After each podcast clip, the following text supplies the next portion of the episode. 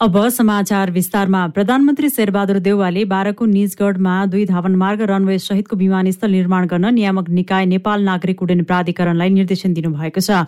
प्रधानमन्त्री देउवासहित सत्तारूढ दलका शीर्ष नेताहरूको टोलीले निजगढ विमानस्थलको आज स्थलगत निरीक्षणपछि दुई धावन मार्ग सहितको विमानस्थल निर्माण गर्न निर्देशन दिनुभएको प्राधिकरणका महानिर्देशक प्रदीप अधिकारीले जानकारी दिनुभयो।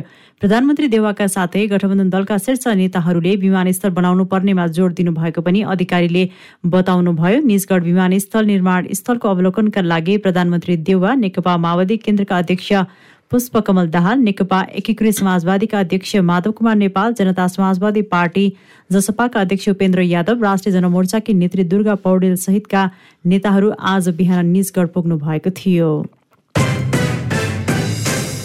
नेपाली कंग्रेसका नेता रमेश लेखकले पार्टी सभापति शेरबहादुर देउवा पार्टी र सरकार दुवै मोर्चामा सफल भएको दावी गर्नुभएको छ। रिपोर्टर्स क्लबले नेपालले आज काठमाडौँमा आयोजना गरेको साक्षात्कारमा बोल्दै नेता लेखकले पार्टी सभापति एवं प्रधानमन्त्री देउवा पार्टी र सरकार दुवै मोर्चामा सफल भएको कुरा कामबाट नै प्रमाणित भएको बताउनु भएको हो। उहाँले जुन उद्देश्यले सरकार गठन भएको हो अहिले सोही अनुरूप काम भइरहेको उल्लेख गर्नुभयो। लेखकले वर्तमान गठबन्धनको मुख्य जिम्मेवारी भनेको संविधान रक्षा गर्नु रहेको स्मरण गर्दै अहिले सोही अनुसार काम भइरहेको दावी गर्नुभयो। लेखकले पार्टीको महाधिवेशन भएको छ महिना बितिसक्दा पनि विधान बनाउने पदाधिकारी नियुक्त गर्ने र कार्य समितिलाई पूर्णता दिने काम बाँकी रहेकाले अब छिट्टै ती काम पनि सम्पन्न गरिने दावी गर्नुभयो। सभापति देउबाले काम गर्न सक्नु भएन भन्ने कुरामा कुनै सत्यता नभएको उहाँको भनाइ छ।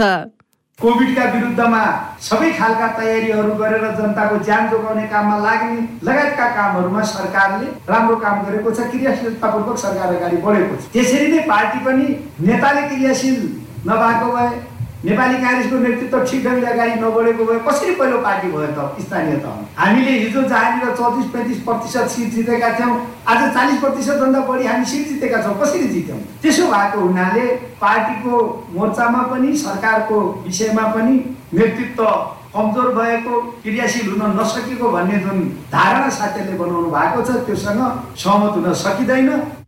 उहाँले आगामी निर्वाचनमा कंग्रेस एकताबद्ध भएर जाने धारणा राख्नुभयो।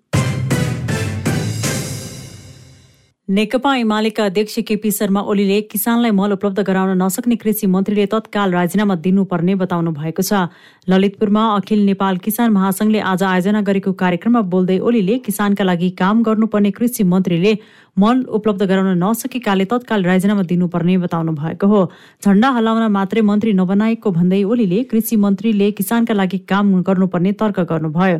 उहाँले समय समयमा हुने मिल्क होलिडे उचित नभएको र किसानलाई हित नगरेको भन्दै यसलाई सदाका लागि समाप्त पार्नुपर्ने पनि जिकिर गर्नुभयो। ओलीले वर्तमान सरकारले किसान मैत्री काम गर्न नसक्दा उत्पादन घटेको र अरबौँको चामल आयात गर्नुपर्ने अवस्था आएको पनि बताउनुभयो।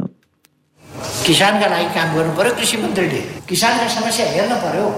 अनि किन डेरीले नि? अचम्म मलाई मिल्क होलिडे भनेको के? मिल्क होलिडे भनेको दुहेर फ्याँक भनेको कि धुँदै नधुइकन फाँचेर छोडिदेऊ भनेको कि? मिल्क होलिडे भनेको त भैँसीले बुझ्नु पऱ्यो नि दुध नदेऊ है छुट्टी छ गाईले बुझ्नु पऱ्यो नि त दुध नदेऊ है छुट्टी छ बुझ्छ त्यसले? अनि दुध खेर फाल भने होइन त्यसो हो भने डेरीले दुध किन्ने चक्लेट फ्याक्ट्री राखे हुँदैन पाउडर फ्याक्ट्री राखे हुँदैन। त्यस कारण हामीले पाउडर फ्याक्ट्री आदिमा जोडिदियौँ र मिल्क होलिडे मलाई लाग्छ समाप्त पार्यो त्यस्तै ओलीले कृषि प्रधान देशमा सरकारले नै कृषिका लागि केही गर्न नसकेको आरोप पनि लगाउनुभयो। राप्रपा नेपालका अध्यक्ष कमल थापाले छोटो अवधिमा नै आफ्नो पार्टीको पक्षमा आकर्षण बढेर गएको दावी गर्नुभएको छ। काठमाडौँमा आज आयोजित पार्टी प्रवेश कार्यक्रममा थापाले मुलुकको कान्छो पार्टी भए पनि राप्रपा नेपालप्रति आम नागरिकको आकर्षण बढ्दै गएको दावी गर्नुभएको हो।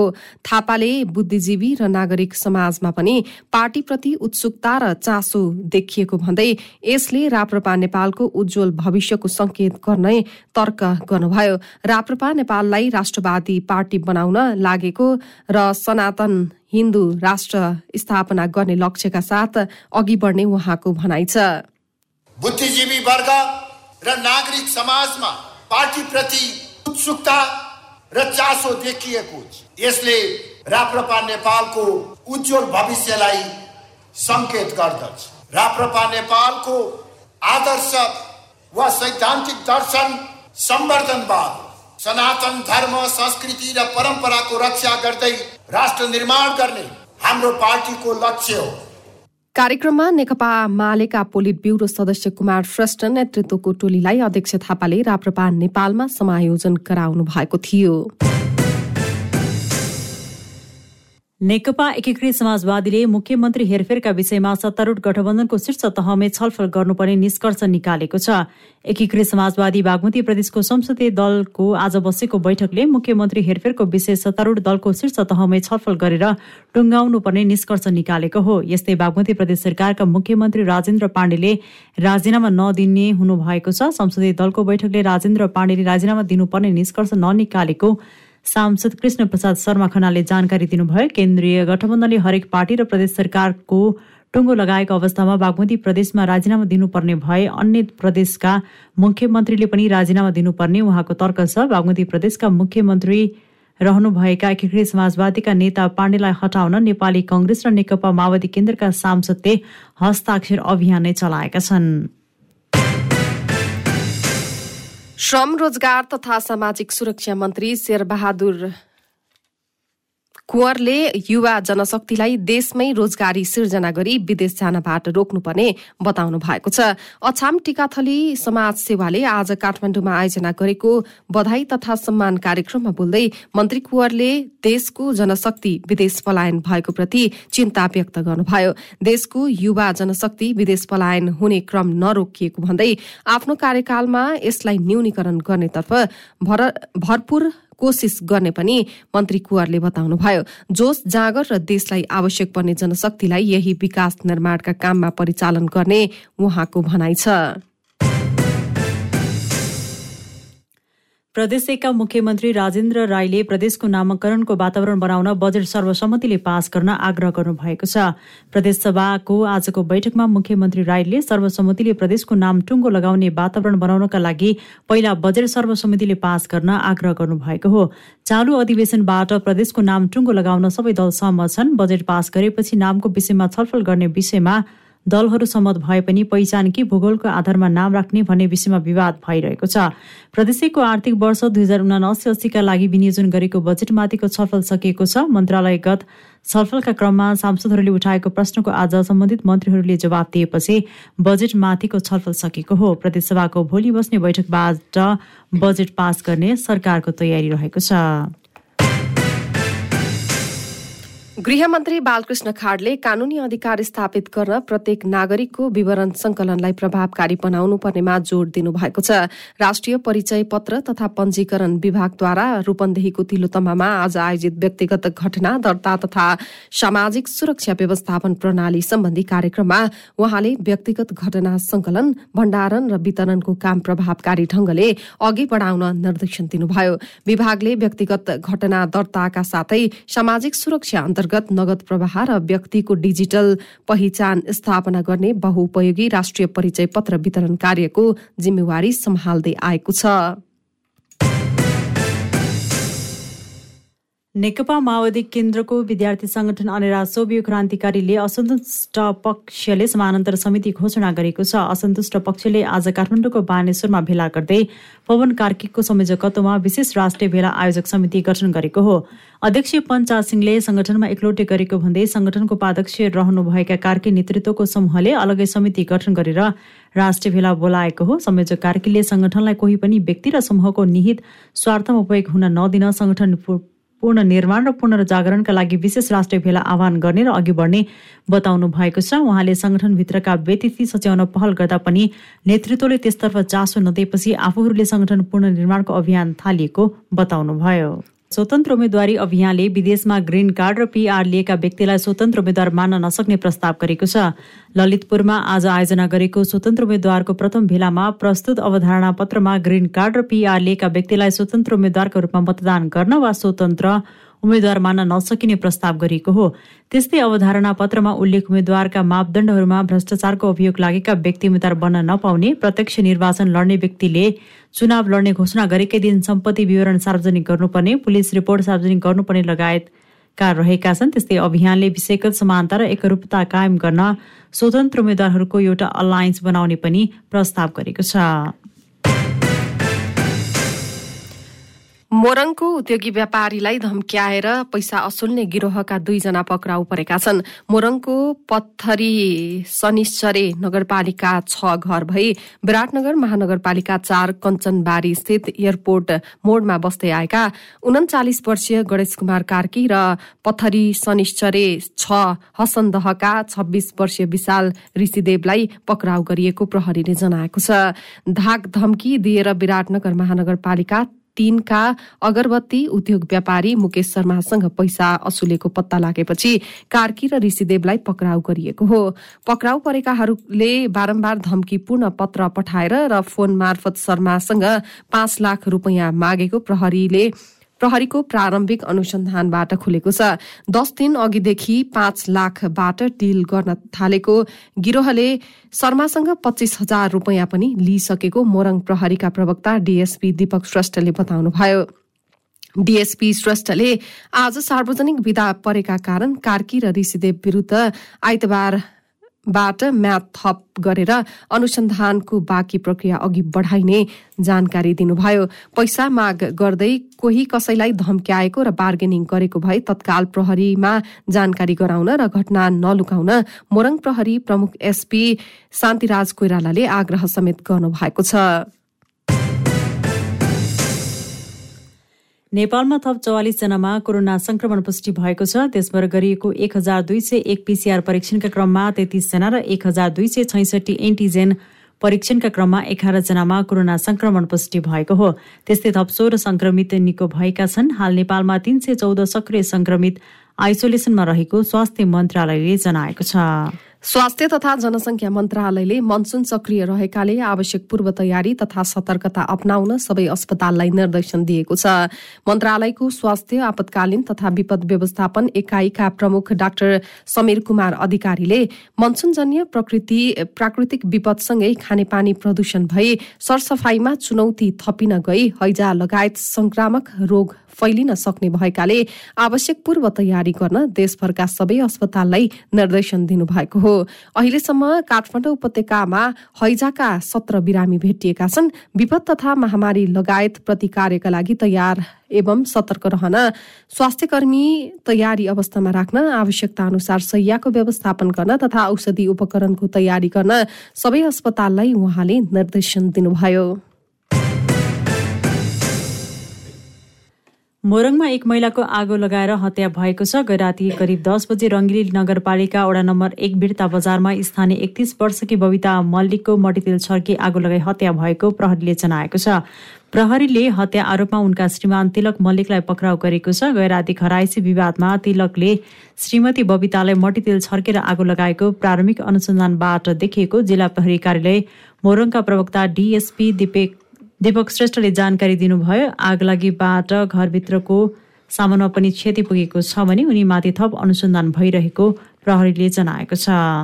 ऊर्जा जलस्रोत तथा सिंचाई मन्त्री पम्फा भूषालले बिजुली निर्यात गरेर विद्यमान व्यापार घाटा न्यूनीकरण गर्न सकिने बताउनु भएको छ। ललितपुरमा आज आयोजित कार्यक्रममा उहाँले नेपालमा जलविद्युतको प्रचुर सम्भावना रहेको र भविष्यमा अर्बौं रुपियाँको बिजुली निर्यात गरेर विदेशी मुद्रा आर्जन गर्न सकिने उल्लेख गर्नुभयो। आगामी दुई वर्षभित्र देशभर विद्युतीकरण गर्ने सरकारको लक्ष्य रहेको उल्लेख गर्दै मन्त्री भूषालले त्यसका लागि जलविद्युत सौर्य लगायत वैकल्पिक ऊर्जाका स्रोतको अधिकतम प्रयोग गरिने बताउनुभयो। देशभर गुणस्तरीय विद्युत सेवा उपलब्ध गराउन विद्युतीकरणका संरचनागत सुधारमा आफूले जोड़ दिएको उल्लेख गर्दै उहाँले विद्युतीय सवारी साधन र विद्युतीय उपकरणको प्रयोग गरेर खपत बढाउन अपील गर्नुभयो। नेपालले पछिल्लो एक महिनामा रु एक अर्ब बहत्तर करोड़ रुपियाँ बराबरको बिजुली भारत निर्यात गरेको छ। नेपाल विद्युत प्राधिकरणले विभिन्न पाँच आयोजनाबाट उत्पादित तीन सय चौसठी मेगावाट बिजुली भारत निर्यात गरिरहेको छ। नेपाल राष्ट्र ब्याङ्कका गभर्नर महाप्रसाद अधिकारीले दक्षिण एसियामा साझा मुद्राको अवधारणामा जान्नुपर्ने बताउनु भएको छ। नेपाल ब्याङ्कर्स एसोसिएसनको गण्डकी प्रदेशले आयोजना गरेको केन्द्रीय ब्याङ्क डिजिटल करेन्सी तथा मौद्रिक नीतिबारे छलफल कार्यक्रममा गभर्नर अधिकारीले दक्षिण एसियाको साझा मञ्चमा आफूले सो बारेमा प्रस्ताव गरेको र सबै देशले अध्ययन थालेको पनि बताउनु भयो। उहाँले नेपालले आफूले गर्नुपर्ने अध्ययन सकिसकेको पनि जानकारी दिनुभयो। यस्तै केन्द्रीय ब्याङ्क डिजिटल मुद्रामा जानुपर्नेमा पनि उहाँले जोड दिनुभयो। कतिपय देशले डिजिटल ब्याङ्कको अनुमति समेत दिन थालिसकेको र डिजिटल मुद्राबाट हताश हुनुपर्ने अवस्था नआउने पनि उहाँको भनाइ थियो। यस्तै पछिल्लो समय नोटको कारोबार घट्दै गएको र राष्ट्र ब्याङ्कको तथ्याङ्क अनुसार कार्तिक यता एक खर्बले घटिसकेको उहाँले जानकारी दिनुभयो। क्यान्डिड न्यूजमा अब अन्तर्राष्ट्रिय समाचार। लिबियामा राजनीतिक अस्थिरताको विरोधमा उत्रेका प्रदर्शनकारीले संसद भवनमा आक्रमण गरेका छन्। प्रदर्शनकारी पूर्वी शहर टोपरुकमा रहेको लिबियाको संसद भवनमा प्रवेश गरी आगजनीमा उत्रिएको अन्तर्राष्ट्रिय संचार माध्यमले जनाएका छन्। संसद भवन खाली भएकाले कुनै मानवीय क्षति नभएको समाचारमा उल्लेख छ। निरन्तर बिजुली कटौती मूल्य वृद्धि र राजनैतिक गतिरोधको विरूद्ध राजधानी त्रिपोली सहित अन्य शहरहरूमा पनि विरोध प्रदर्शन गरिरहेको छ। प्रदर्शनकारीले संसद विघटन गरी नयाँ चुनाव गर्न माग गरेका छन्। सन् दुई हजार एघारमा नेटो समर्थित विद्रोहले लामो समयसम्म शासन गरेका कर्णल मुअम्मर गद्दाफीलाई अपदस्थ गरेपछि लिबियामा अस्थिरता आएको छ। सन् दुई हजार बीसमा शुरू भएको शान्ति प्रक्रियाले देशलाई एकसाथ जोड्ने प्रयास गरेको छ। तर डिसेम्बरमा निर्धारित निर्वाचन रोकिएपछि पूर्वीय संसदले अब्दुल हमिद डबेबाहाको अन्तरिम एकता सरकारको म्याद सकिएको र उहाँको स्थानमा फाथी बासाघालाई नियुक्त गरेको बताइएको छ। गाम्बी बियाले काठको निर्यातमा प्रतिबन्ध लगाएको छ। अवैध काठ निर्यात विरुद्ध लड्न प्रयास गर्न सबै निर्यात इजाजत पत्र पनि खारेज गर्ने गाम्बिया सरकारले निर्णय गरेको हो। पश्चिमी अफ्रिकामा पाइने गुलाब काठ विश्वमा निर्यात गर्ने पाँचौं ठूलो निर्यातकर्ताहरू मध्ये गामे बिया पनि एक हो। गामे बियाले चीनमा दुई हजार सत्रदेखि दुई हजार बिससम्ममा तीस लाख टन गुलाब काठ निर्यात गरेको बिबिसीले जनाएको छ। गुलाब काठलाई रातो काठ पनि भनिन्छ। सो काठ रङ र स्थायित्वको लागि बहुमूल्य मानिन्छ भने मुख्यतया प्राचीन शैलीको फर्निचरको लागि पनि प्रयोग गर्ने गरिन्छ जसका कारण गाम्बिया र सेनेगलबाट अवैध रूपमा ओसार पसार पनि हुने गरेको छ। सर्वोच्च अदालतको आदेशपछि न्यूयोर्क राज्य सरकारले धेरै सार्वजनिक स्थानमा बन्दुक बोक्न नपाउने नियम लागू गरेको छ। राज्य सरकारले टाइम्स स्क्वायर लगायत धेरै सार्वजनिक स्थानमा बन्दुकमाथि प्रतिबन्ध लगाएको छ भने बन्दुक राख्ने अनुमतिका लागि आवेदकहरूलाई उनीहरूको प्रहार गर्ने प्रवीणता प्रमाणित गर्न तथा सामाजिक सञ्जालका खाताहरू समीक्षाका लागि सरकारी अधिकारी समक्ष पेश गर्नुपर्ने कानून पारित गरेको छ। न्यूयोर्कका डेमोक्राट नेताहरूले राज्य सरकार र अदालतको निन्दा गर्दै जति धेरै बन्दुक बोकेका मानिस हुन्छन् त्यति नै धेरै बन्दुक हिंसाका घटना बढ्ने टिप्पणी गरेका छन्। सार्वजनिक सुरक्षाका नाममा त्यसो गर्न नहुने उनीहरूको अभिमत छ। गत साता सर्वोच्च अदालतको ऐतिहासिक निर्णयले बन्दुक हिंसा नियन्त्रण गर्ने सम्बन्धी कानून पारित गर्न बाध्य पारेपछि बोलाइएको आकस्मिक बैठकले सो कानून अनुमोदन गरेको हो। क्यान्डिड न्युजमा अब खेलकुदका समाचार। महिला साफ च्याम्पियनसिप नेपालमा आयोजना हुने भएको छ। बंगलादेशको ढाकामा आज बसेको दक्षिण एसियाली फुटबल महासंघ साफको कार्यकारी बैठकले साफ च्याम्पियनसिप नेपालमा गर्ने निर्णय गरेको हो। चाप साफ च्याम्पियनसिप भदौ तेह्रदेखि पच्चिससम्म काठमाडौँमा आयोजना हुनेछ। नेपालले यसअघि पाँचौं संस्करणको महिला साफ आयोजना गरेको थियो। विराटनगरमा आयोजना भएको साफको उपाधि भारतले जितेको थियो। नेपाल फाइनलमा भारतसँग पराजित भएको थियो। विभागीय टोली नेपाल पुलिस क्लबले बागमती प्रदेश न्यू डायमण्ड कप खुल्ला महिला राष्ट्रिय भलिबल प्रतियोगिताको उपाधि जितेको छ। किर्तिपुर स्थित मल्टिपर्पोज कवर्ड हलमा आज भएको फाइनलमा अर्को विभागीय टोली एपीएफ क्लबलाई तीन शून्यको सोझो सेटमा हराउँदै पुलिस च्याम्पियन बनेको हो। पुलिसले एपीएफमाथि पच्चिस सोह्र सत्ताइस पच्चिस र पच्चिस उन्नाइसको स्कोरमा जित निकालेको हो। पुलिस अपराजित रहँदै च्याम्पियन बनेको हो। उपाधिसँगै पुलिसले पाँच लाख नगद प्राप्त गरेको छ। उपविजेता एपीएफले दुई लाख पचास हजार पाएका छन्। त्यस्तै तेस्रो भएको न्यू डायमण्डले एक लाख पच्चिस हजार र चौथो परोपकार आदर्श माविले पचहत्तर हजार नगद पुरस्कार प्राप्त गरेका छन्। प्रतियोगितामा आयोजक न्यू डायमण्ड सहित एपीएफ क्लब पुलिस क्लब र परोपकार आदर्श मावि गरी चार टिमको सहभागिता रहेको थियो।